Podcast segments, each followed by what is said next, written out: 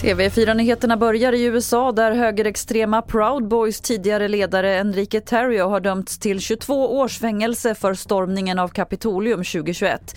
Det är det längsta straffet som delats ut hittills i fallet. Terrio ska inte ha varit med under själva stormningen men åklagarna menar att han styrde Proud Boys under attacken.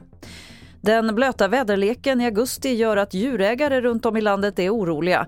På många håll har man ännu inte kunnat bärga sommarens andra skörd och det kan leda till foderbrist i vinter.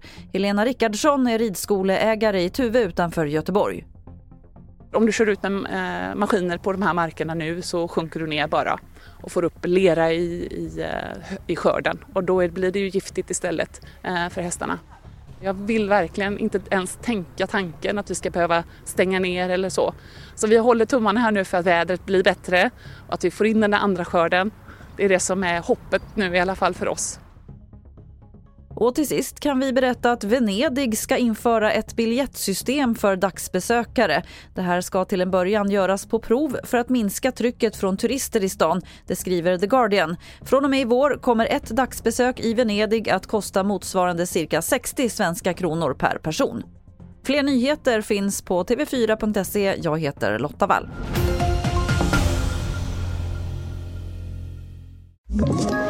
Ett poddtips från Podplay. I fallen jag aldrig glömmer djupdyker Hasse Aro i arbetet bakom några av Sveriges mest uppseendeväckande brottsutredningar.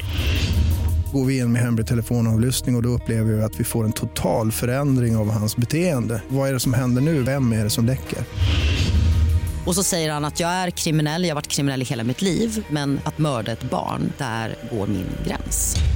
Nya säsongen av Fallen jag aldrig glömmer på Podplay.